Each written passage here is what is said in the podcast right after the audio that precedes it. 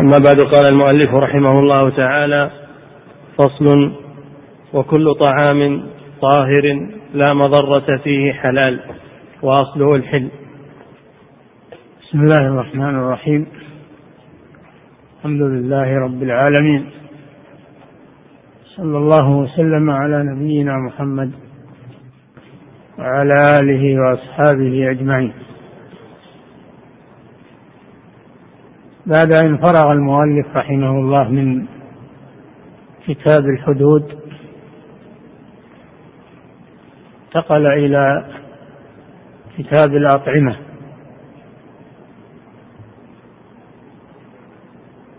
لأن الناس بحاجة إلى الأطعمة ومعرفة ما يحل منها وما يحرم.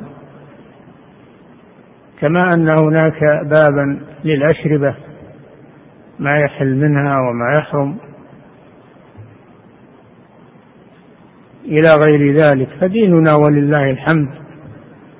دين كامل ما ترك شيئا إلا بينه للناس. والعلماء إنما هم يوضحون ما جاء في الكتاب والسنة. وينظمون الأبواب والمباحث للتسهيل للتسهيل على طلبة العلم تيسير عليهم. والأطعمة ضرورية للناس لبقاء حياتهم. من ناحية ومن أجل التلذذ بها والتوسع بها تفكه بها من ناحية أخرى. ولا شك أن معرفة الحلال والحرام من الأطعمة أمر عظيم مهم. لأن الذي يتناول الحرام في طعامه وشرابه. لا يستجاب له دعاء كما في الحديث الصحيح.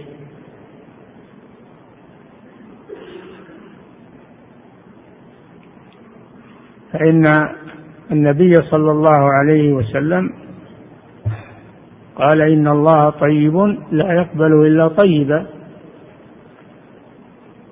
وإن الله أمر المؤمنين بما أمر به المرسلين. قال تعالى يا أيها الرسل كلوا من الطيبات واعملوا صالحا إني بما تعملون عليم. وقال يا أيها الذين آمنوا كلوا من طيبات ما رزقناكم. ثم ذكر الرجل يطيل السفر أشعث أغبر يمد يديه إلى السماء يا رب يا رب. مطعمه حرام مشربه حرام وملبسه حرام فأنا يستجاب لذلك. لا يستجاب له. وهو يتغذى بالحرام ويلبس من الحرام. فلا يستجاب له دعاء حتى في حالة حتى في حالة في حالة رجاء قبول الدعاء كالمسافر. وأيضا يمد يديه افتقارا إلى الله. وأيضا حالته أشعث أغبر متواضع. وأيضا يلح يقول يا رب يا رب. هذه كلها صفات كلها صفات من أسباب الإجابة لكن مع هذا لا يستجاب له. لماذا؟ لأنه يطعم الحرام ويشرب الحرام ويلبس الحرام. فهذا أمر مهم جدا.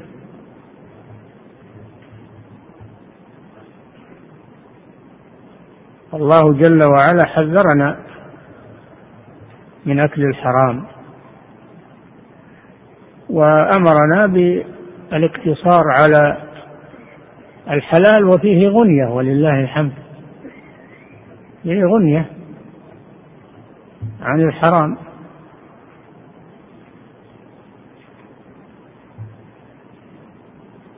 من هنا تتجلى أهمية معرفة ما يحل من الأطعمة وما يحرم منها.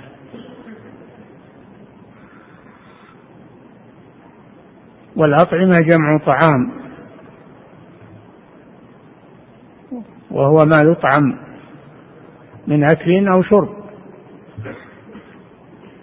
كله يسمى أطعمة. والأصل في الأطعمة الحل الأصل في الأطعمة الحل ولا يحرم منها إلا ما دل الدليل على تحريمه. والذي خلق لكم ما في الأرض جميعا. وكل ما خلقه الله في الأرض من الأطعمة الأصل فيه الحل إلا ما دل الدليل على تحريمه. ولا يحرم شيء إلا وفيه ضرر على الإنسان. لا يحرم شيء إلا وفيه ضرر على الإنسان.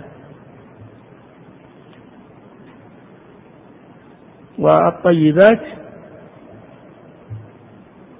فيها خير تغذي الجسم تغذية طيبة وتعين على طاعة الله. وتسبب قبول الدعاء إلى غير ذلك من فوائد تناول الحلال من الأطعمة والأشربة. حتى الملابس التي على الإنسان إذا كانت من الحرام لا يستجاب له دعاء. فاستعمال الحرام من جميع الوجوه. حرام استعماله حرام. من جميع الوجوه.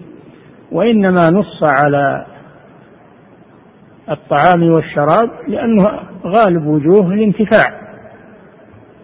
وإلا فلا يجوز الانتفاع بالحرام في أي وجه من الوجوه إلا في حالة الضرورة التي تتوقف حياة الإنسان على تناول ما يبقي عليه حياته إلا ما اضطررتم إليه.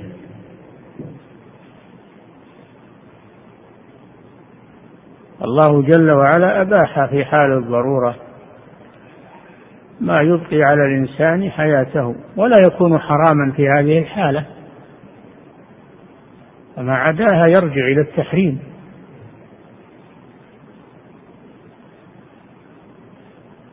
فالأصل في الأطعمة الحلال الحل إلا ما دل الدليل على تحريمه. فكل طيب كل طيب لا مضرة فيه فإنه حلال. وكل خبيث وكل خبيث فهو حرام. كل طيب طاهر كل طيب طاهر لا مضرة فيه فهو حلال. يخرج بالطيب الخبيث ويحرم عليهم الخبائث. ويخرج بالطاهر النجس النجس حرام من الطعام والشراب. ويخرج بما فيه مضرة المواد السامة. المضرة التي فيها ضرر على الجسم وعلى الحياة مثل السم والمخدرات مسكرات وغير ذلك هذه فيها ضرر على البدن وعلى العقل وعلى الحياة. الله حرمها على الناس. والحرام على نوعين حرام لذاته و وآثاره لذاته وآثاره وحرام لمكسبه كالربا والرشوة والغلول وغير ذلك.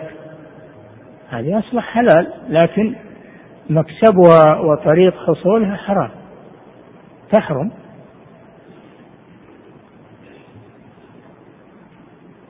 لأن الله نهى عنها حرمها.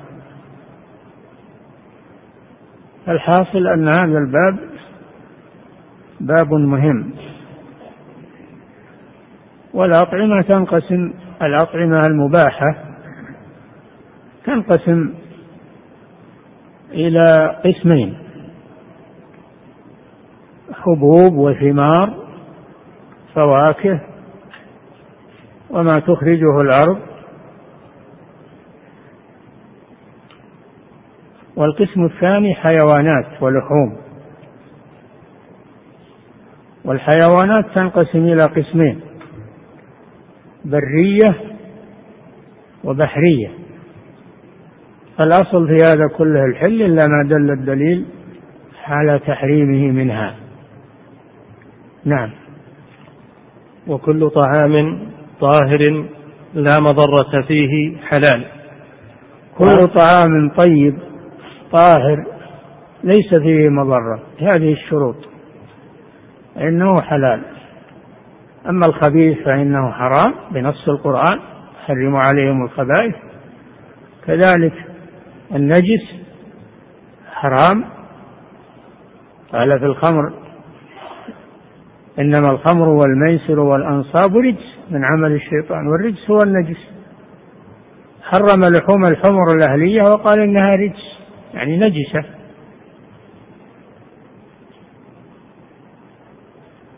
و يكون لا مضرة فيه.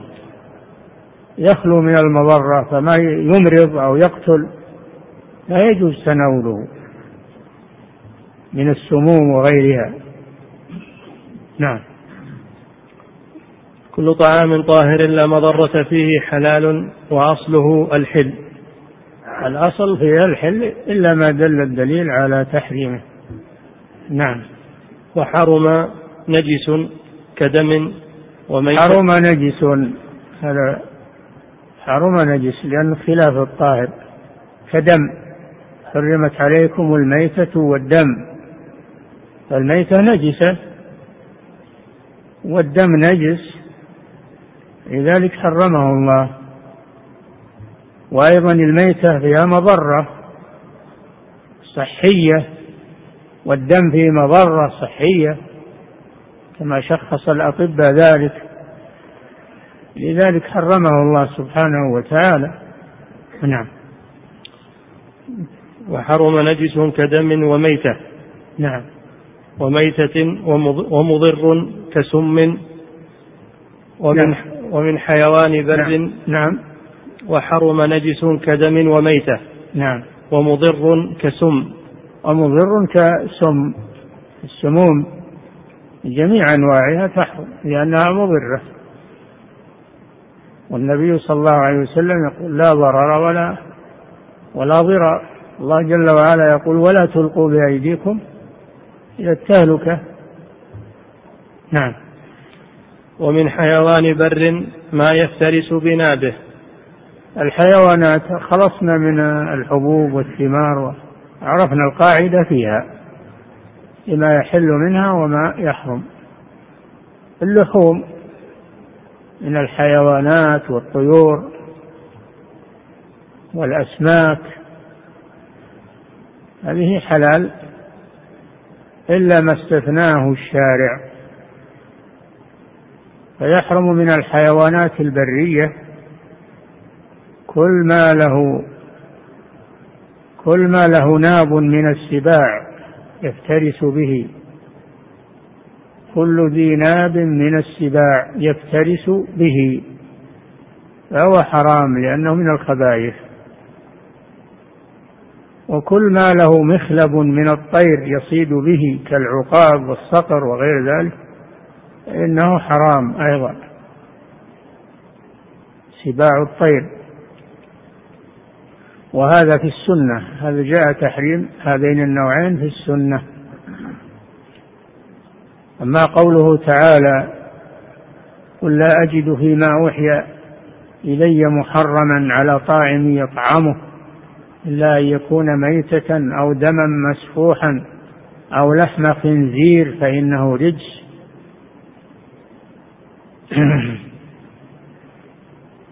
وكذلك ما أهل به لغير الله من ذبائح الشرك. هذه حرام. ولكن هذا كان في أول الأمر. لا أجد فيما أوحي إلي محرما. هذا في أول الأمر. والآية من سورة الأنعام وهي مكية. ثم بعد ذلك حرمت السنة كل ما له مخلب من الطير أو له ناب من السباع. فيلحق بما جاء في الآية. نعم. ومن حيوان بر ما ما يفترس بنابه كأسد ونمر وفهد وثعلب كأسد و ونمر وثعلب وغير ذلك من والفهد وهو ما يصاد به لأنه يفترس. الفهد يفترس ويصيد بنابه. هذه حرام. كلها حرام بنص الحديث. ما له ناب من السباع. كذلك الذئب. نعم. ما يفترس بنابه كأسد ونمر وفهد وثعلب وابن آوى. وابن آوى نوع من الحيوانات. له صوت يصيح به كصوت الطفل. يقولون إنه يكون في النخيل في بعض البلاد. يصيد بنابه يفترس بنابه فيحرم نعم. لا لا ضب لا ضب. وكذلك القط يفترس بنابه. فهو سبع. نعم. وثعلب وابن آوى لا ضبع. إلا الضبع يستثنى. قالوا الضبع يستثنى من ذوات الأنياب لأن الرسول صلى الله عليه وسلم أحله فهو حلال وإن كان يفترس بنابه. نعم. ومن طير ما يصيد بمخلب. ويحرم من الأصل في الطيور الحل لا يحرم منها إلا ما يصيد بالمخلب بمخلبه.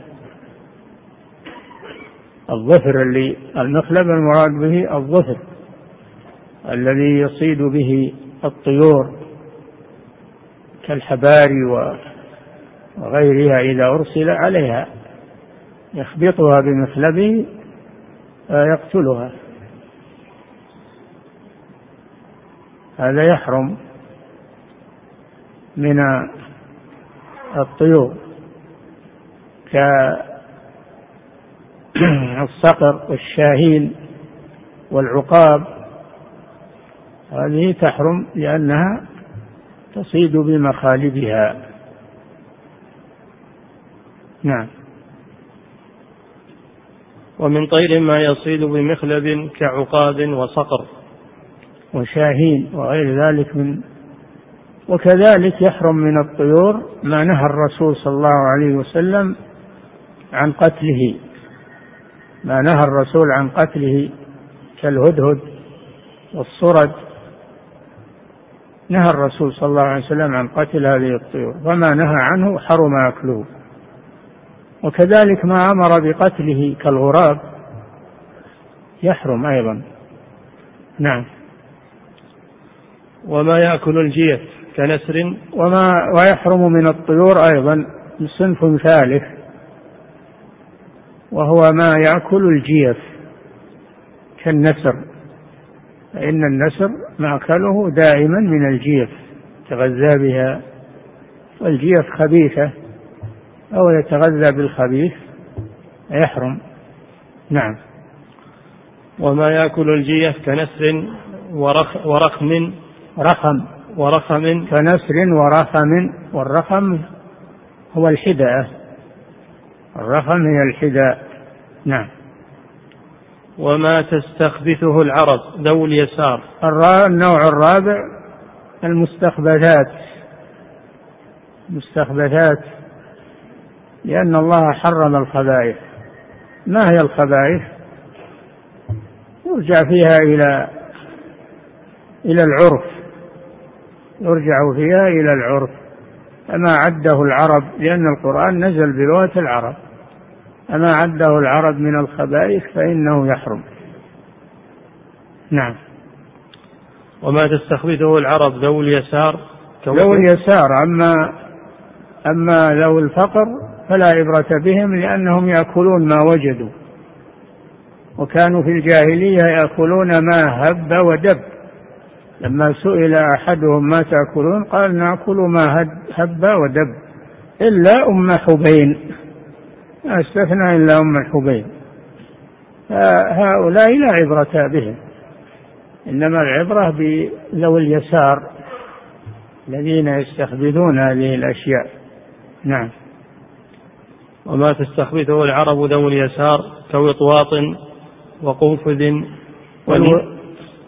الوطواط هو الخفاش هو الخفاش اللي يسمى عند العوام أسحى الذي يطير في الليل ويكتن في النهار. هذا حرام لأنه من الخبائث. نعم. كوطواط وقنفذ ونيص. وقنفذ والنيص هذا من الخبائث يحرم. نعم. وما تولد من مأكول وغيره كبغل. نعم وهذا من أنواع المحرم في من الحيوانات وهو ما تولد من مأكول وغيره كالبغل. البغل متولد من الحمار والحصان آه، من الحمار والفرس. الحمار ينزو على الفرس تنجب بغلا. هذا متولد من مأكول وهو الفرس وغير ماكول وهو الحمار يحرم تغليبا لجانب الحظر. نعم. وكذلك وكذلك السمع والشيب يحرم لأنه متولد من الضبع ومن الذئب. نعم. ويباح حيوان بحر كله. انتهينا من حيوانات البر وما يحرم منها. وما عدا ذلك فهو حلال. عرفنا ما يحرم من الحيوانات البرية وما يحرم من الطيور البرية. ننتقل إلى البحر. الله جل وعلا قال أحل لكم صيد البحر وطعامه متاعا لكم وللسيارة. صيد البحر هو ما يعيش في البحر ما لا يعيش ما لا يعيش إلا في البحر. كالأسماك بأنواعها والحيتان و... هذا حلال وطعامه ما مات فيه. طعامه ما مات فيه فميتة البحر حلال. قال صلى الله عليه وسلم أحلت لنا ميتتان ودمان. أما الدمان فالكبد والطحال وأما الميتتان فالسمك والجراد. نعم. ويباح حيوان بحر كله سوى ضفدع وتمساح وحية.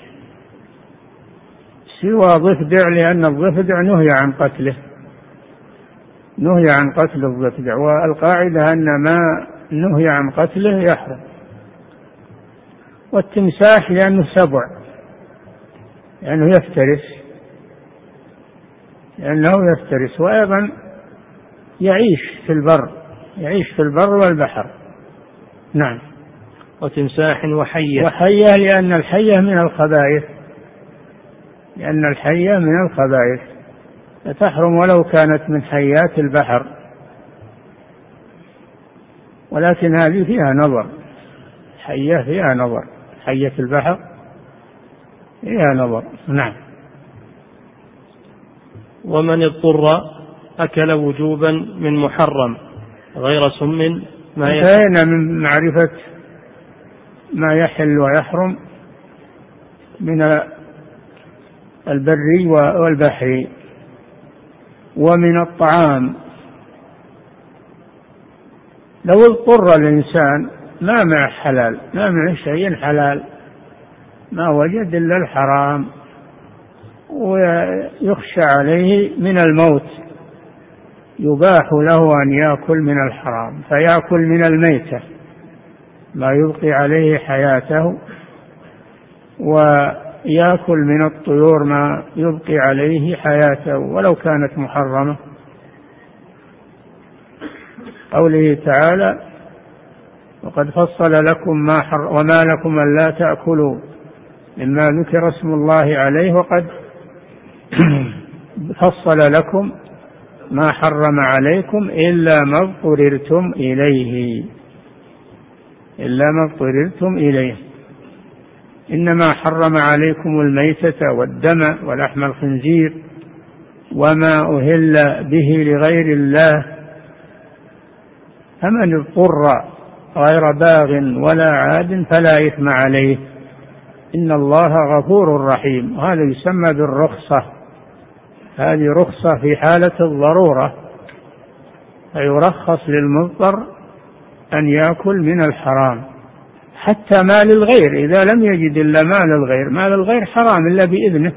لكن إذا لم يجد فإنه يأكل منه ما يبقي عليه حياته لأنه مضطر. وهل أكله في هذه الحالة هل هو مباح فقط أو واجب عليه أو مستحب؟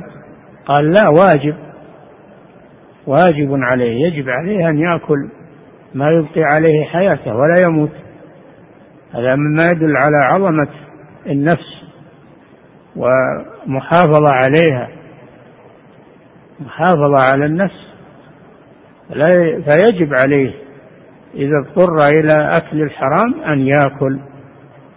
ولو تركه يكون آثما. لو ترك ذلك ومات يكون آثما. لأنه ترك حلالا لأن الله أحل له هذا الشيء. في حال الضرورة. ليس حرام. ما يقول هذا حرام بتورع عنه واموت كيفي ما عليه أموت. يقول لا يجوز لك هذا. تقتل نفسك ما يجوز. وهو في هذه الحالة حلال لك وليس حراما. لأن الله أحله لك. وذكر ابن القيم رحمه الله أن الخبث ينتفي عنه في هذه الحالة. والضرر ينتفي عنه في هذه الحالة. الله جل وعلا يرفع ذلك عنه في حالة الضرورة. نعم. ومن اضطر أكل وجوبا من محرم غير سم. ما إلا السم لأن السم ما يبقي عليه حياته. السم يقتله. فلا يباح السم في حال من الأحوال لأنه معروف أنه يقتله. أما الميتة وأما الدم وأما لحم الخنزير وأما هذا يبقي عليه حياته فيباح له. نعم. ما يسد رمقه. ما يسد رمقه يعني ما يشبع. يقول ما دام إنه حلال لي أبى أشبع. نقول لا هذه رخصة. وإنما رخص لك لبقاء حياتك. فلا يجوز لك أن تتناول إلا ما يبقي عليك حياتك. وليس لك الشبع. والمسألة خلافية. هل هو يشبع ولا ما يشبع؟ لكن هنا يقول لا ما يشبع. نعم.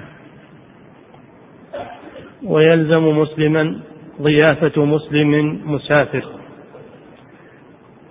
هذه مسألة مستقلة. ضيافة واجبة. بقدر ما يكفي الضيف والضيف هو الذي ينزل بالإنسان هو الذي ينزل بالإنسان. و وهو المسافر.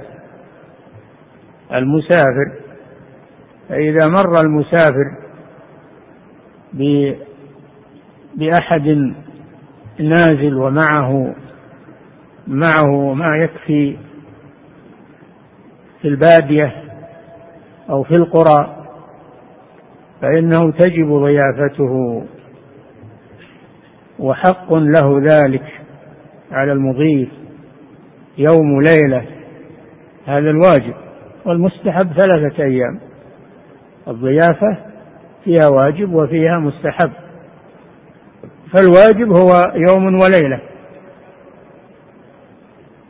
لا يجوز له أن يتركه. وأما المستحب فهو ثلاثة أيام. ويكون هذا في مكان ليس فيه ما يباع ويشترى. أما إذا كان في المدن التي فيها مطاعم فيها فنادق فهذا لا تجب ضيافته لأنه غير محتاج. أما أما في القرى فيحتاج لأن القرى ما فيها مطاعم ولا فيها فنادق. وكذلك في البر ليس هناك فنادق ولا مطاعم فحينئذ تجب الضيافة. قال صلى الله عليه وسلم من كان يؤمن بالله واليوم الآخر فليكرم ضيفه. فليكرم ضيفه جائزته. قالوا وما جائزته يا رسول الله؟ قال يومه وليلته. فيحرم على الإنسان أنه يم أنه يمتنع من إضافة من إضافة الضيف يومه وليلته. هذا حق واجب عليه. وكان هذا في الجاهلية من هذا من الخصال الطيبة التي كانت عند العرب وأقرها الإسلام لأنها من الخصال الطيبة. التي كانت عند العرب في الجاهلية فأقرها الإسلام. نعم. ويلزم مسلما ضيافة مسلم مسافر. ضيافة مسلم. أما إذا كان الضيف ما هو مسلم فلا يلزمه هم بغى ضيفه ما امتنع. إنما الواجب ضيافة المسلم لأن المسلم له حرمة. لكن لو اضطر الكافر شافه يبي يموت يجب عليه أنه ينقذه لأنه نفس ينقذه من من من الهلاك لا يتركه يموت. نعم. ضيافة مسلم مسافر في قرية لا مصر. في قرية لا مصر لأن المصر فيه مطاعم وفيه فنادق وفيه, وفيه بيع الطعام أيضا يجد طعاما يباع يمكن يشري تمر يشري شيء يأكله. فيه فيه ضيافة فيه مطاعم وفيه فنادق وفيه بيع بيع طعام وشراب. نعم. يوما وليلة. هذا الواجب. نعم. قدر كفايته. قدر كفايته من طعام وشراب ومبيت في الشتاء بيته ويلحفه ويغطيه يعني هذه ضرورة. نعم. وتسن ثلاثة أيام. والسنة أن الضيافة ثلاثة أيام. ثلاثة أيام. هذه السنة. نعم. فصل. لا يباح حيوان يعيش في البر غير لا يباح حيوان يعيش في البر. هذه الزكاة. الآن انتقل إلى الزكاة والصيد أحكام الزكاة وأحكام الصيد. لكن المؤلف رحمه الله يحذف الأبواب والكتب ولا يتنبه الإنسان لكن وهذا الشيء ما هو طيب. كان المفروض أنه مثل غيره يذكر الأبواب ويذكر الكتب حتى يعرف القارئ. نعم. لا يباح حيوان يعيش في البر غير جراد ونحوه إلا بذكاته. من شروط حل الحيوان البري من شروط حل الحيوان البري الزكاة. والزكاة هي تمام الشيء تمام الشيء يقال له زكاة. فتتم حياة الحيوان بالزكاة. الذي يراد أكله فلا يأكل الميتة إذا ماتت بدون زكاة حرام حرم الله الميتة. ولا يأكلها بإماتتها بدون زكاة. بإماتتها بدون الزكاة كأن يضربها أو يعمل معها عمل يقتلها أو يعطيها سم أو غير ذلك. لا بد من الزكاة. لا يحل حيوان بري أو طائر إلا بالزكاة. قال الله جل وعلا حرمت عليكم الميتة والدم ولحم الخنزير وما أهل لغير الله به والمنخنقة والموقوذة والمتردية والنطيحة وما أكل السبع إلا ما ذكيتم. إلا ما ذكيتم. فاستثنى ما ذكي فيحل من هذه الأشياء. وما لم يذكى فإنه لا يحل لأنه ميتة. إلا شيء واحد من من طيور البر وهو الجراد. الجراد يحل بدون زكاة. قوله صلى الله عليه وسلم حلت لنا ميتتان ودمان. فأما الميتتان فالسمك والجراد.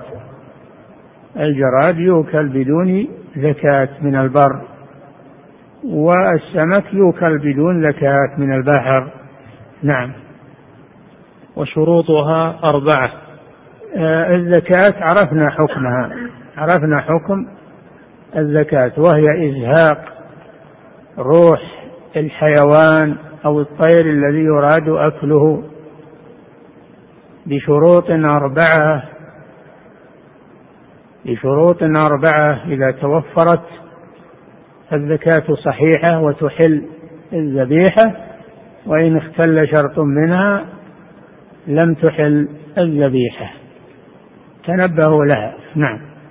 وشروطها أربعة كون ذابح عاقلا مميزا.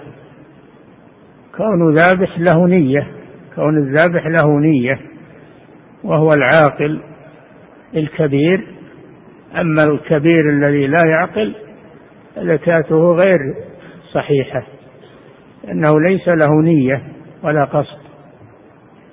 وكذلك الصغير الذي دون التمييز لا تحل زكاته لأنه ليس له نية تحل الذبيحة. أما إذا كان مميزا تحل زكاته لأن له نية قصد. هذا واحد. نعم. كون ذابح عاقلا مميزا ولو كتابيا. ولو؟ ولو كتابيا. ولو كتابيا لأن الله أباح أكل ذبائح أهل الكتاب. وطعام الذين أوتوا الكتاب حل لكم وطعامكم حل لهم.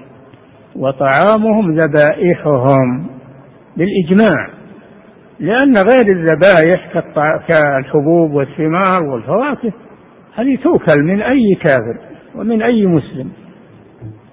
إنما المراد بطعامهم الذبائح. وما عدا أهل الكتاب من سائر الكفرة لا تحل ذبائحهم. نعم. والآلة. وهي لماذا أهل الكتاب تحل ذبائحهم دون غيرهم من الكفار؟ لأن عندهم كتابا من الله سبحانه وتعالى وفيه الأحكام أحكام الزكاة وهم يعرفونها ويزكون بموجبها. هم يزكون زكاة شرعية. ما يريدون أكله يزكونه زكاة شرعية.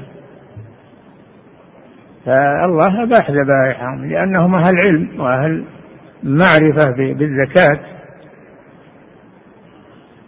فلذلك أباح الله ذبائحهم. بخلاف الكفرة والمشركين فهم لا يعرفون ولا ولو عرفوا ما تحل ذبائحهم لأنهم نجس. ذبيحة المشرك حرام. نعم. والآلة وهي الشرط الثاني. عرفنا الشرط الأول. أهلية الذابح. الشرط الأول أهلية الذابح. بأن يكون بأن يكون مميزا عاقلا سواء كان مسلما أو كتابيا. هذا الشرط الأول. نعم. والآلة وهي الشرط الثاني الآلة التي يذبح بها. ما كل آلة تصلح للزكاة. لا بد أن تكون الآلة حادة. تقتل بحدها لا بثقلها. فإن التي تقتل بثقلها ترض الذبيحة. هذه وقيدة هذه موقولة لا تحل ولا تحل لا بد أن تجرح تكون الآلة تجرح الذبيحة لا تقتل بثقلها أو عرضها.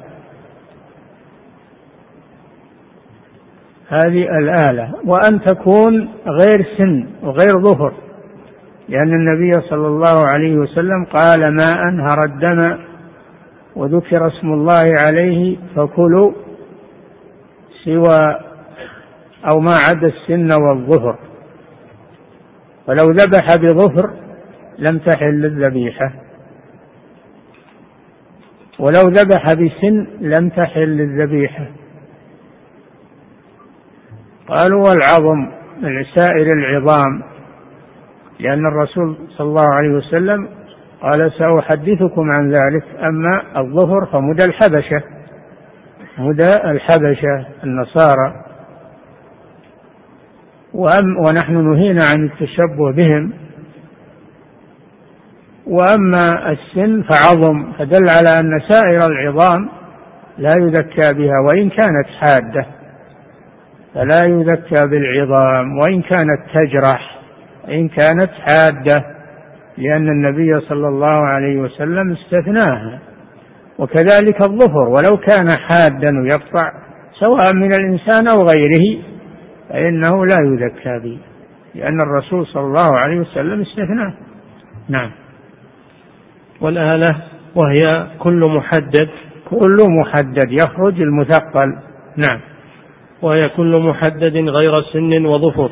غير سن وظهر. وإن كان السن والظهر محددين لأن الرسول صلى الله عليه وسلم منع من الزكاة بهما. نعم. وقطع حلقوم ومليء. هذا الشرط الثالث. أن يقطع المريء والحلقوم. المريء مجرى الطعام والحلقوم مجرى النفس. وكذلك يقطع الوديجين أو أحدهما. والوديجان عرقان في جانب في جانبي العنق يجري منهما الدم. يجري منهما الدم. الوديجان. فلا بد أن يقطع إن قطع الأربعة كلها فهذا أكمل. كالمري والحلقوم والوديجين. وإن قطع ثلاثة منها كفى هذا. قطع ثلاثة منها. المري الحلقوم أحد الوديجين أو الوديجين وأحد المري أو الحلقوم. يكفي هذا. نعم.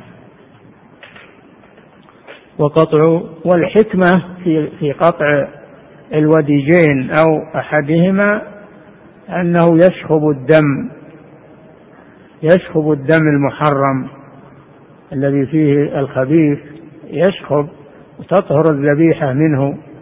ولذلك حرمت الميتة لأن دمها محتبس فيها.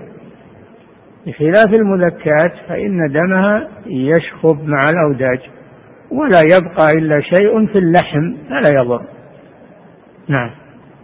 وقطع, وقطع حلقوم ومريء وسن قطع الوديجين. قطع حلقوم ومري وسن قطع الوديجين جميعا وإلا واحد منهما. نعم. وما عجز عنه كواقع نعم.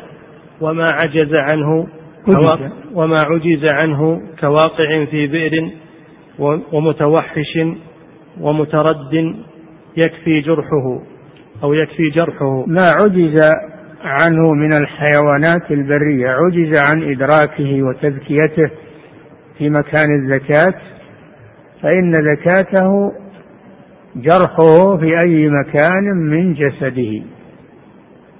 لأن الرسول صلى الله عليه وسلم آه، أباح ذلك في النواد من الإبل التي تهرب. فإذا هربت وأرسل عليها قذيفة أو أو رصاص أو أو حجر أو حجر حاد أصابها وجرحها أو ماتت تكون حلالا فيها هذه زكاتها. أو المتردي في بئر ولا يقدرون عليه. إذا جرح ومات بالجرح يكون هذا إباحته لأن هذا هو ما يقدر عليه. نعم. وما وما عجز عنه كواقع في بئر ومتوحش. ومتوحش يعني متوحش ما هو بوحش من الأصل. هو حيوان أهلي لكن توحش بمعنى أنه ند وهرب ولم يقدر على إمساكه تلفيته أن يصاب في أي موضع من جسمه ويموت بذلك يكون هذا زكاة لأن زكاة ضرورية هذه ما يقدر على أكثر منها. نعم. لأنه ند بعير على عهد رسول الله صلى الله عليه وسلم فطلبوه ولم يقدروا على حبسه فرماه رجل بسهم فحبسه قال صلى الله عليه وسلم ما ند من من من هذه البهائم فافعلوا به هكذا. نعم. ومتوحش ومترد يكفي جرحه حيث كان. نعم. فإن أعانه غيره جرحه في حيث كان في أي بنية لا بد أن يكون بنية بنية الزكاة كما سبق. نعم. يكفي جرحه حيث كان فإن أعانه غيره ككون رأسه في الماء ونحوه لم يحل. إلا إذا كان إلا إذا كان هذا الحيوان الذي الذي لم يقدر على زكاته في محل الزكاة إذا اجتمع فيه سببان في موته. ما يدرى هل موته بسبب الإصابة أو موته بسبب آخر فهذا يترك هذا يترك ولا يؤكل. كما لو رمى حيوانا واقعا في بير رأسه في الماء مات مات الحيوان لكن ما يدرى هل موته بالضربة أو بالغرق. هذا لا يؤكل لأنه لا يتوقع لا يتيقن أنه مات بالجرح. فلا يؤكل هذا. تغليبا لجانب الحظر أو لو وقع في نار مثلا أو وقع في حفرة ومات. ما يدرى هل هو مات من الإصابة أو مات من من الحفرة. هذا لا يوكل ما دام تنازعه سببان مبيح وحاضر فإنه يقدم الحاضر. نعم. فإن أعانه غيره ككون رأسه. أعانه غيره من الأسباب. أعان الإصابة غيرها من الأسباب في موت الحيوان فإنه لا يؤكل. تغليبا لجانب الحظر. نعم. فإن أعانه غيره ككون رأسه في الماء ونحوه لم يحل. نعم. وقول بسم الله. هذا الشرط الرابع وهو الأخير. أن يقول الذابح عند إجراء عند إجراء السكين يقول بسم الله. قوله تعالى ولا تأكلوا مما لم يذكر اسم الله عليه. فلا بد من التسمية على الذبيحة. نعم. وقوله بسم الله عند تحريك يده. نعم ما, ما يقول بسم الله قبل بساعة ولا نصف ساعة. ولا يكتب على الستين بسم الله أو يكتب على الكيس ذبح على الطريقة الشرعية كله خرافات ولا ولا يوكل حتى يكون التسمية على إجراء السكين على حلق الذبيحة. نعم. قال تعالى ولا تأكلوا مما لم فكلوا مما ذكر اسم الله عليه كنتم بآياته مؤمنين.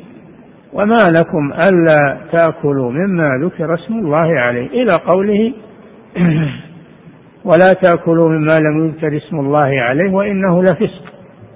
فلا يجوز أكل الذبيحة التي تعمد تعمد ترك التسمية عليها. أما لو نسيها فإنها تحل. لو تركها نسيانا فإنها تحل لأن التسمية في نية المسلم. فلو نسيها فإنها تحل ذبيحته نعم. وقوله بسم الله عند تحريك يده. نعم. وتسقط سهوا لا جهلا. تسقط نسيانا وسهوا نسيان. السهو هو النسيان. لا جهلا. إذا كان يجهل أن التسمية شرط تركها لأنه ما درى أنها شرط. ما تحل الذبيحة. الجهل لا يسقط. الواجب. نعم. وذكاة جنين خرج ميتا ونحوه بذكاة أمه. إذا ذبحت ناقة أو شاة أو وجد في بطنها جنين متكامل ميت بسبب ذكاة أمه فإن ذكاة أمه زكاة له فيحل. فيحل بذلك. نعم. لحديث, لحديث زكاة الجنين زكاة أمه. نعم. وإن, وإن أدرك حيا فلا بد من تزكيته نعم. وكرهت بآلة كالة. يكره الذبح بآلة كالة لأنها تعذب الحيوان.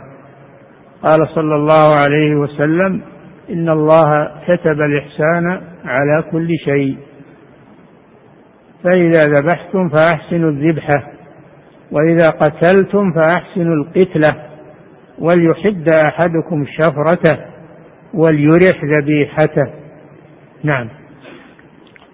وكرهت بآلة كالة وحدها بحضرة مذك. ويكره أن يشحذ السكين عند الحيوانات التي يريد ذبحها لأنها تعرف هذا تتعذب به.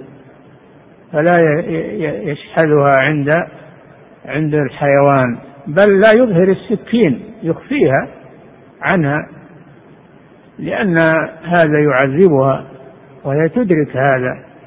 نعم. ودين الإسلام دين الرحمة دين الإحسان. نعم. وسلخ وكسر عنق قبل قبل زهوق. ويكره كسر عنقها بعد التذكية. وبعض الناس يصير عجل يكسر عنقها تموت على طول. هذا تعذيب لها. وكذلك يبدأ سلخ جلدها وهي وهي ترفس. ما يجوز هذا لأنه تعذيب لها.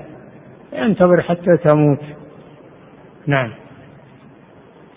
ونفخ وكسر العنق هذا يسمونها الخنع. خنع الذبيحة. ما يجوز هذا. نعم. ونفخ لحم لبيع ويكره نفخ لحم لبيع أو أو يعني نفخه بالماء إدخال الماء في الحيوان حتى يكون له منظر أو له ما يجوز هذا غش. ما يجوز نفخه ولا حقنه بالماء لأجل يغر الناس أنه أنه كبير وأنه ما يجوز هذا. هذا غش وخيانة. نعم. وأظن بعض الجزارين يعمل هذا الآن. أظنهم يعملون هذا يغشون الناس. هذا حرام. نعم. وسن توجيهه إلى القبلة على شقه الأيسر. يسن أن يوجه الحيوان عند ذبحه إلى القبلة لأنها قبلة المسلمين. والذبح عبادة تكون إلى القبلة ويضجعها على جانبها يضجعها على جانبها الأيسر لأجل أن تكون لأجل أن تكون السكين بيده اليمنى. نعم. ونعم ويرجعها وسنة توجيهه إلى القبلة على شقه الأيسر. على شقه على شق الحيوان الأيسر لأن هذا أيسر على على الذابح. نعم. ورفق به. وسنة رفق به. لا تجره جر مثل ما يفعل بعض قساة القلوب يجر الحيوان للذبح. ويعمل معه أعمال بشعة. ما يجوز هذا لأنه حيوان له حرمة ويتألم. عليك بالرحمة. وإن كنت تريد ذبحه ترحمه. نعم. وتكبير أه؟ ورفق به وتكبير أه؟ وتكبير. تكبير. يعني مع التسمية يقول الله أكبر. قوله بسم الله هذا واجب وقول الله أكبر هذا سنة. لتكبروا الله على ما هداكم. واذكروا اسم الله عليها صواب نعم. فصل يكفي. يقول فضيلة الشيخ وفقكم الله جاء في الحديث عن النبي صلى الله عليه وسلم كل لحم نبت من السحت فالنار أولى به. هل هذا ينطبق على أهل من أكل من أكل الحرام كالمرابي الذي يأكل الربا وأهله لا وأهله لا يعلمون؟ ألا ينطبق يقول هل ينطبق هذا على أهل من أكل الحرام كالمرابي الذي يأكل الربا وأهله لا يعلمون؟ إذا كانوا لا يعلمون هم غير مؤاخذين. ويكون الإثم عليه هو. نعم. يقول فضيلة الشيخ وفقكم الله ما معنى قول النبي صلى الله عليه وسلم في الحديث وغذي بالحرام؟ وكيف تضبط غذي؟ غذي بالحرام. تغذية ما تعرفون التغذية؟ يجعل الحرام له غذاء. نعم. يقول فضيلة الشيخ وفقكم الله الدم محرم لنجاسته. نعم. الدم محرم لنجاسته. فهل الإنسان إذا ابتلع الدم وهو صائم يفطر بذلك؟ الدم حرم لخبثه. الدم حرم لخبثه. ولأنه مضر صحيا فيه مكروبات كما يقول الأطباء فهو حرم لخبثه ومضرته في الجسم ولنجاسته على القول بنجاسة الدم فهو حرم لعدة أمور. نعم. فهل يقول؟ فهل يقول سلمك الله الدم محرم لنجاسته فهل الإنسان إذا ابتلع الدم وهو صائم يفطر بذلك؟ إذا ابتلع الدم ناسيا أو جاهلا لا يؤثر على صيامه. حتى لو أكل أو شرب ناسيا لا يؤثر هذا على صيامه. نعم. يقول إذا تعمد ابتلاع شيء الدم غيره إذا تعمد ابتلاع شيء وهو صائم يبطل صيامه نعم. يقول فضيلة الشيخ وفقكم الله إذا اختلط مال الحلال بنسبة ثمانين بالمئة ومال الحرام بنسبة عشرين بالمئة فبما يحكم على هذا المال؟ وهل يدخل من أكله في من لا تستجاب دعوته؟ إذا كان يغلب عليه الحرام يتجنبه لأن الحكم للغالب يتجنبه. نعم. يقول فضيلة الشيخ وفقكم الله الدم الذي يخرج من أنف الإنسان أو جراحه هل يعتبر نجسا يجب غسله أم هذا خاص بالدم المسفوح؟ الدم المسفوح لا شك فيه وأما الدم غير المسفوح إذا كان من حيوان أو من إنسان فهو نجس أيضا فهو نجس. أما الدم, الدم الذي يتبقى في لحم المذبوح في لحم المذكات الدم المتبقي في لحم المذكات هذا يعفى عنه ولا ينجس الثوب إذا أصابه. نعم. يقول فضيلة الشيخ حفظكم الله وإذا كان الدم نجسا وغسل الدم من الثوب لكن بقي شيء من اللون فهل يعفى عنه؟ إذا عجز عن إزالته يعفى عنه. إذا عجز عن إزالته يعفى عنه. أما إذا كان يمكن إزالته فيجب عليه ذلك لأن بقاء اللون دليل على بقاء الدم. نعم. بقاء لون النجاسة دليل على بقائها. إلا إذا عجز غسله وغسله ولم يزل هذا معجوز عنه فيعفى عنه. نعم. يقول فضيلة الشيخ وفقكم الله بعض المنتجات الطبية وغيرها يوجد عليها صور نساء متبرجات وعاريات الصدر والساق ونحو ذلك. وإذا أنكرت على البائع عرضها للبيع قال استدل بقوله تعالى إلا ما اضطررتم إليه. فهل يصح استشهاده بهذا؟ لا هذا ما هو بضرورة. ما هو بضرورة أنك تبيعه بيع غيرها مما ليس عليه صور ولا شيء ممنوع. نعم. يقول وهل يجوز بيع مثل, مثل هذه المنتجات؟ الله كونه يتجنبها ويبيع شيء ما عليه صور أنا شك إنه ابرى لذمته. ابرى لذمته. نعم. يقول فضيلة الشيخ وفقكم الله ما حكم تناول الأطعمة التي يظن فيها المضرة لكنها غير متيقنة كالمشروبات الغازية ونحوها؟ هذه ما لا مانع من من تناولها. لكن يتركها من الناحية الصحية لا من الناحية التحريمية يتركها من الناحية الصحية لأنها يقولون تضر آه، تضر الإنسان. اتركها نعم. يقول فضيلة الشيخ وفقكم الله اللحوم المستوردة التي لا ندري هل ذبحت على الشريعة الإسلامية أم لا ما حكم أكلها؟ اتركها. كل ما تعلم أنه مذبوح أو يغلب على ظنك أنه على الطريقة الإسلامية. وما تشك فيه اتركه. دع ما يريبك إلى ما لا يريبك. وله بديل والحمد لله. له بديل ليس فيه شك. نعم. يقول فضيلة الشيخ وفقكم الله أحيانا يكون الطعام الطاهر الحلال. أحيانا يكون الطعام الطاهر الحلال. مضرا لبعض الناس بسبب المرض كالطعام الحالي لمن هو مصاب بالسكر. هل إذا تناوله هذا المريض يكون آثما لأن فيه مضرة عليه؟ نعم إذا علم أن فيه مضرة عليه أو حذره الطبيب فلا يجوز له تناوله. تجنبه ولا تلقوا بأيديكم إلى التهلكة. نعم. يقول فضيلة الشيخ وفقكم الله أسئلة كثيرة تسأل عن الضبع هل هو حلال ولماذا عن الضبع حيوان الضبع هل هو حلال أكله؟ ولماذا استثني من السباع؟ استثناه الرسول صلى الله عليه وسلم والحديث قوي هو من الحلال هو من الحلال وأما ما السبب الله أعلم بذلك. نعم.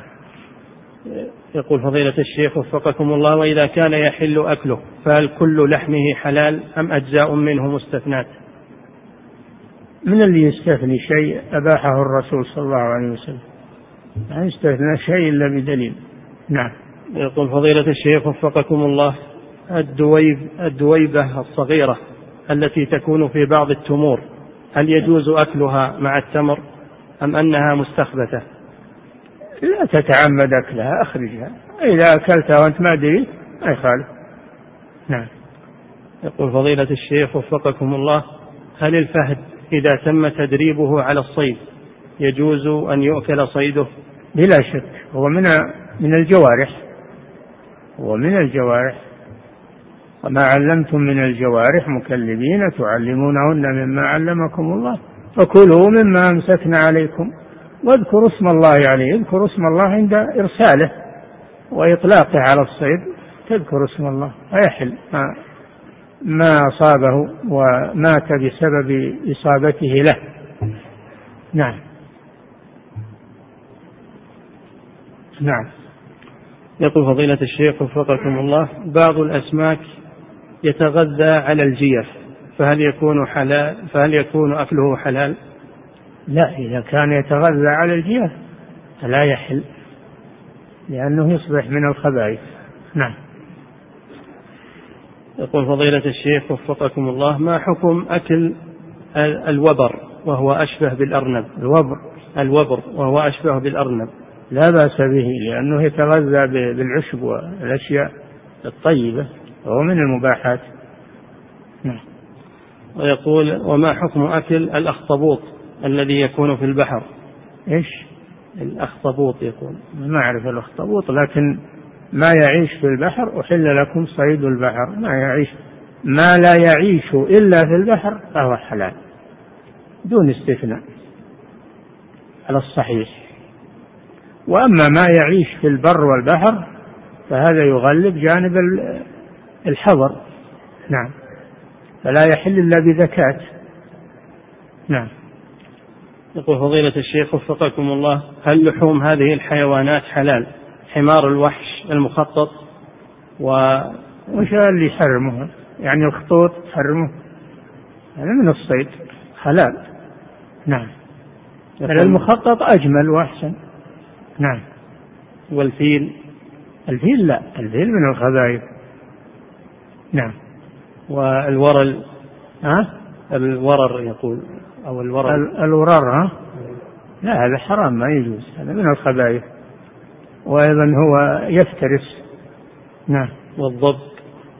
الضب طيب من الطيبات. أكل على مائدة النبي صلى الله عليه وسلم. وأقره وقال هو لم يأكله صلى الله عليه وسلم لأنه لم يعتد أكله. وليس بأرض قومه. إلى حرام هو؟ قال لا ولكني أجدني أعافه فهو حلال. نعم. لأنه يتغذى بالأعشاب. نعم. يقول فضيلة الشيخ وفقكم الله هل يجوز تغذية الحيوانات بالنجاسة؟ وخاصة أنها لا تؤكل إلا بعد فترة. لا يجوز تغذية الحيوانات بالنجاسة. النبي صلى الله عليه وسلم نهى عن الجلالة وهي التي تأكل العذرة حتى تحبس وتدعم الطائر نهى عن ألبانها. أن تشرب ألبانها حتى تحبس ثلاثة أيام وتطعم الطاهر. فلا يجوز تعليف الحيوان بالنجاسات. نعم. يقول فضيلة الشيخ وفقكم الله ما حكم طبخ الجراد حيا بالنار؟ لأنه أشكل علينا نهي النبي صلى الله عليه وسلم عن التعذيب بالنار. هذا مستثنى. هذا مستثنى.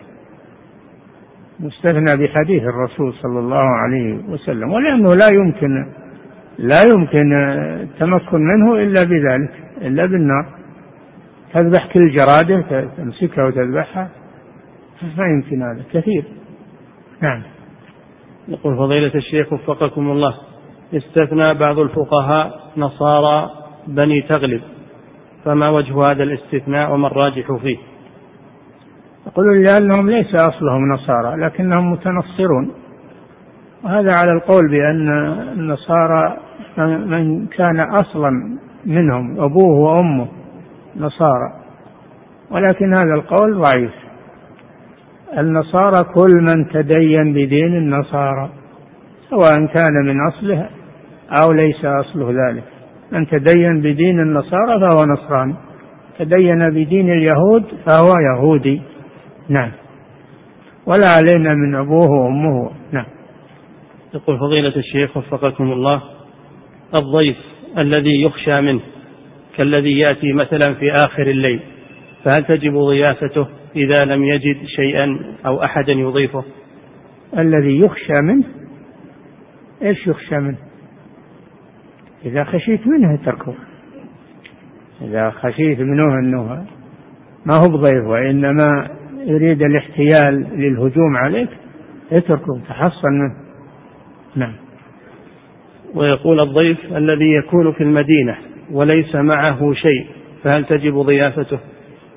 هذا تصدق عليه. فلو لو ما هو بضيف عندك إذا شفته محتاج تصدق عليه بما يأكله ويشربه أو يلبسه. هذا من باب الصدقة أو من باب الضيافة. نعم. يقول فضيلة الشيخ وفقكم الله لحم وحيد القرن هل يجوز أكله؟ والله ما أعرفه ما ولحم القرد. ها؟ لحم القرد. قرد خبيث من الخبائث. نعم. ولحم القط يقول. القط سبع يفترس الدجاج ويفترس الطيور وهو سبع يفترس بنابه نعم. يقول فضيلة الشيخ وفقكم الله إذا غلب على الظن أن الذي يذبح في المسلخ لا يصلي أو عنده شرك أكبر فهل يجوز أكل ذبح؟ إذا عرفت هذا أو غلب على ظنك فلا تأكل من ذبحه ويجب أن تبلغ عنه. يجب أن تبلغ عنه المسلمين استبدلوه بغيره. نعم. يقول فضيلة الشيخ وفقكم الله ما حكم ذبيحة السكران؟ على اعتبار أنه لا قصد له. ما تحل لأنه ما هو بعاقل. يقول لك يشترط فيها؟ أن يكون الذابح عاقلا. وهذا السكران غير عاقل. نعم. يقول فضيلة الشيخ وفقكم الله أهل الكتاب لا يذكرون اسم الله على الذبائح. النبي صلى الله عليه وسلم يقول لا تأكلوا مما لم يذكر اسم الله عليه. يقوله الله ولا تأكلوا مما ما هو النبي ولا تأكلوا مما لم يذكر اسم الله عليه. وش يدريك إن النصارى ما يذكرون اسم الله؟ إيش اللي يدراك عن هذا؟ الله اباح لنا هذا. ذبائح أهل الكتاب دل على أنهم يذكرون اسم الله عليه. لكن إذا ذبحوا باسم المسيح فلا يجوز هذا. لا يجوز إذا ذبحوا باسم المسيح لأن هذا الشرك وما أهل به لغير الله. نعم. يقول فضيلة الشيخ وفقكم الله يقول عندنا الأولاد في البلد يصطادون الطيور بما يسمى بالنباطة أو النبالة فهل يجوز أكلها؟ لا إذا ماتت بإصابة الحصاة فلا توكل لأن هذه وقيد هذا من الموقوذة. فإن أدركتها وهي حية وذكيتها فهي حلال أما إذا ماتت بالإصابة فهي حرام لأنها موقوذة. نعم. يقول فضيلة الشيخ وفقكم الله الصيد بالرصاص للحمام وغيره من الطيور هل هل الرصاص ينفذ الرصاص محدد ينفذ ما هو مثل الحصاة فهو ينفذ بالجسم ويهرق الدم. نعم فهو حلال. نعم. يقول فضيلة الشيخ وفقكم الله سمك القرش يفترس بنابه فهل يكون محرما كالتمساح؟ لا. ما هو محرم؟ لأن الله أباح صيد البحر مطلقا. قالوا حتى القرش نصوا عليه. قالوا حتى القرش لعموم الآية. نعم. يقول فضيلة الشيخ وفقكم الله إذا كانت المجاعة عامة في بلد فهل يجوز الأكل من المحرم حتى الشبع أم يقتصر على ما يسد الرمق فقط؟ إذا كان إيش؟ إذا كانت المجاعة عامة في بلد. فهل يجوز الأكل من المحرم حتى الشبع أم يقتصر على ما يسد الرمق فقط؟ يقتصر على الضرورة فقط على ما يزيل الضرورة. يقتصر على ما يزيل الضرورة. هذا هو الصحيح. نعم. يقول فضيلة الشيخ وفقكم الله الذبائح التي تأتي من بلاد أهل الكتاب كالدجاج اليوم. هل لا بد من التأكد من حالة الذابح أم يجوز أكلها على الأصل؟ تجنبها لا شك أنه أحوط وهذه مسألة طال البحث فيها وأشكلت واقترح هيئة كبار العلماء إيجاد إيجاد آه، شركات للدجاج في البلاد وإنتاج البلاد وقالوا تذبح تنتج في البلاد وتذبح. هذا هو الذي توصلوا إليه وهذا موجود ولله الحمد. الذبح البلدي كثير والدجاج البلدي كثير. يغنيكم عن المستورد. نعم. يقول فضيلة الشيخ وفقكم الله بالنسبة للدجاج الذي يذبح بكميات كبيرة يعلق على سير كهربائي ويمر بآلة حادة تقطع عنقه. فهل هذه الطريقة شرعية؟ لا هو لهم إجراءات إجراءات بالماء الحار ويضربونها أيضا بالمدوخة اللي دوخة ولهم إجراءات سيئة مع مع الطيور ومع الحيوانات. فلا شك أن تجنب مثل هذا أنه أحوط للمسلم. نعم. يقول فضيلة الشيخ وفقكم الله لو ضرب طيرا برصاصة وهو في السماء ثم سقط في حوض ماء. هل يؤكل أم لا؟ لا هذا محتمل أنه مات بالغرق أو مات بالإصابة فلا يؤكل نعم. ويقول وإذا ضرب الطير برصاصة فسقط من علو فهل يكون مباحا أم لا؟ إذا وقع على المرتفع ثم سقط من المرتفع لا يؤكل أما إذا سقط من الهواء على طول ولا هناك سبب آخر يحتمل موته فإنه حلال. نعم. يقول فضيلة الشيخ وفقكم الله هل يجوز أكل السمك والجراد إذا صاده وطبخه غير أهل الكتاب كالبوذيين وغيرهم سواء في مطاعمهم؟ هل إيش؟ هل يجوز أكل السمك والجراد إذا صاده وطبخه غير أهل الكتاب لا بأس بذلك. ما ينظر إلى الطابخ أو لا بأس بذلك. هذا حلال من الأصل والطبخ لا يحرمه. نعم. يقول فضيلة لا ينظر إلى الطابخ؟ نعم. يقول فضيلة الشيخ حفظكم مثل لو, لو طبخ لك رز. هندوسي طبخ لك رز. تتعافى وتقول حرام؟ لا. هذا حلال. نعم. فضيلة الشيخ وفقكم الله ما وجه التفريق بين سقوط التسمية بالنسيان وعدم سقوطها بالجهل؟ النسيان يأتي على كل أحد أما الجهل يزول بالتعلم يزول بالتعلم أما النسيان يأتي حتى على العالم وعلى كل أحد. نعم. يقول فضيلة الشيخ وفقكم الله إذا كان الرجل أشدف أي يذبح بيده اليسرى فهل يسن له أن يجعل الذبيحة على شقها الأيمن؟ لأنه نعم نعم لا بأس. هم ما قالوا يصير على اليسرى إلا لأنه أيسر على الذابح. فإذا كان الأيسر له أن يجعلها على اليمين يفعل هذا. نعم. يقول فضيلة الشيخ وفقكم الله ما حكم ذبائح الدروز والبوذية وغيرهم؟ كل من يشرك بالله أو عنده ناقض من نواقض الإسلام فإنه لا تحل ذبيحته من أي الفرق. نعم. يقول فضيلة الشيخ وفقكم الله البلد الذي انتشرت فيه عبادة القبور وشاعت. هل الأصل في ذبائح في ذبائح أهلها الحل علما بأنهم يصلون ويصومون ويحجون؟ إذا كان الغالب عليها أنها بلاد مسلمين يعمل بالغالب يعمل بالغالب ولا نفتش عن الأمور. نعم.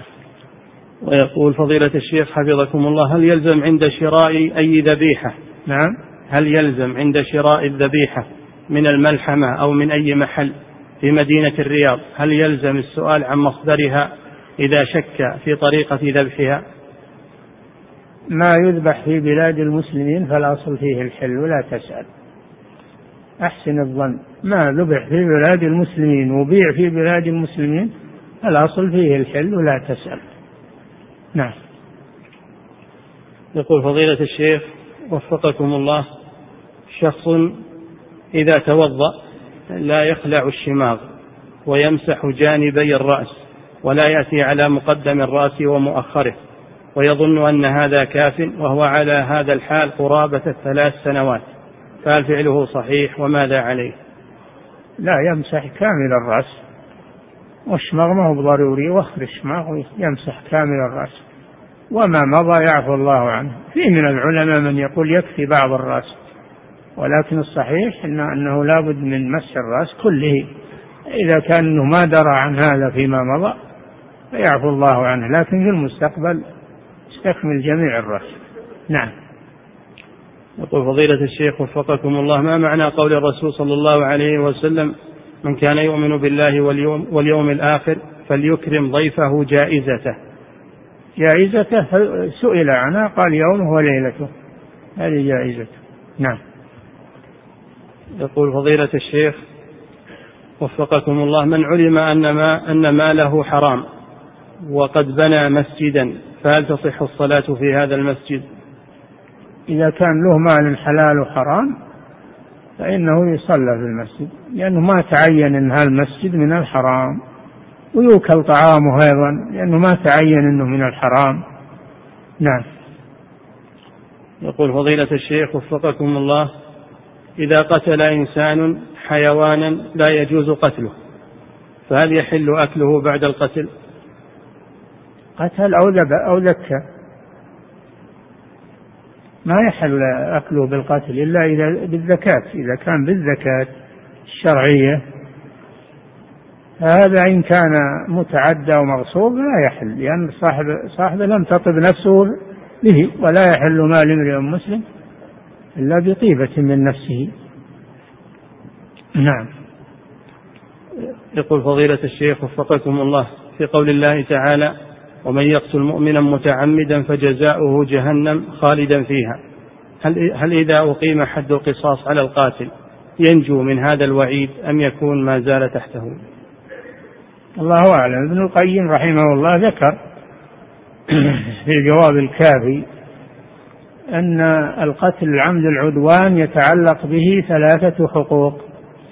حق لله تعالى وحق لأولياء القتيل وحق للقتيل نفسه. فأما حق الله فيسقط بالتوبة يقول. وأما حق الأولياء فيسقط بالعفو أو بالقصاص. وأما حق القتيل فيبقى عليه يبقى عليه والله أعلم ماذا يكون عند الله سبحانه وتعالى. نعم. فضيلة الشيخ وفقكم الله يقول مر في درس الحدود الأسبوع الماضي أن التائب من الحد قبل القدرة عليه لا يقام عليه الحد. والسؤال حفظكم الله إذا سرق الإنسان مالا ثم تاب قبل القدرة عليه فهل يطالب برد المال؟ وكذلك لا بد من رد المال. المال لا بد منه مال المخلوق لا مال المخلوق لا بد من رده عليه أو استباحته منه. ولو أقيم عليه الحد لا بد لأن حق المخلوق لا يسقط. فلا بد من إعادة المال إلى صاحبه إلا إذا سمح به. نعم. وكذلك حفظك الله إذا اغتصب امرأة ذكرا ثم تاب قبل القبض عليه فهل يطالب بدية البكارة وإذهابها أم أن هذه الأمور تدخل في التوبة؟ اتركوا عنا هذه المسائل البعيدة ويطالب بأرش البكارة وهو زاني من يثبت أنه هو؟ هذه امرأة زانية يمكن أنها جاية غيره يمكن اتركوها بس لا تفصلون فيها. نعم. يقول فضيلة الشيخ وفقكم الله الأمور الذي فيها نظر هل يكون تركها أولى حتى يتبين للشخص القول الراجح في ذلك. إذا تردد الإنسان إن كان جاهلا يسأل وإن كان عالما متمكنا ولكن ما تبين له الأمر فإنه يتوقف حتى يتبين له الأمر. نعم.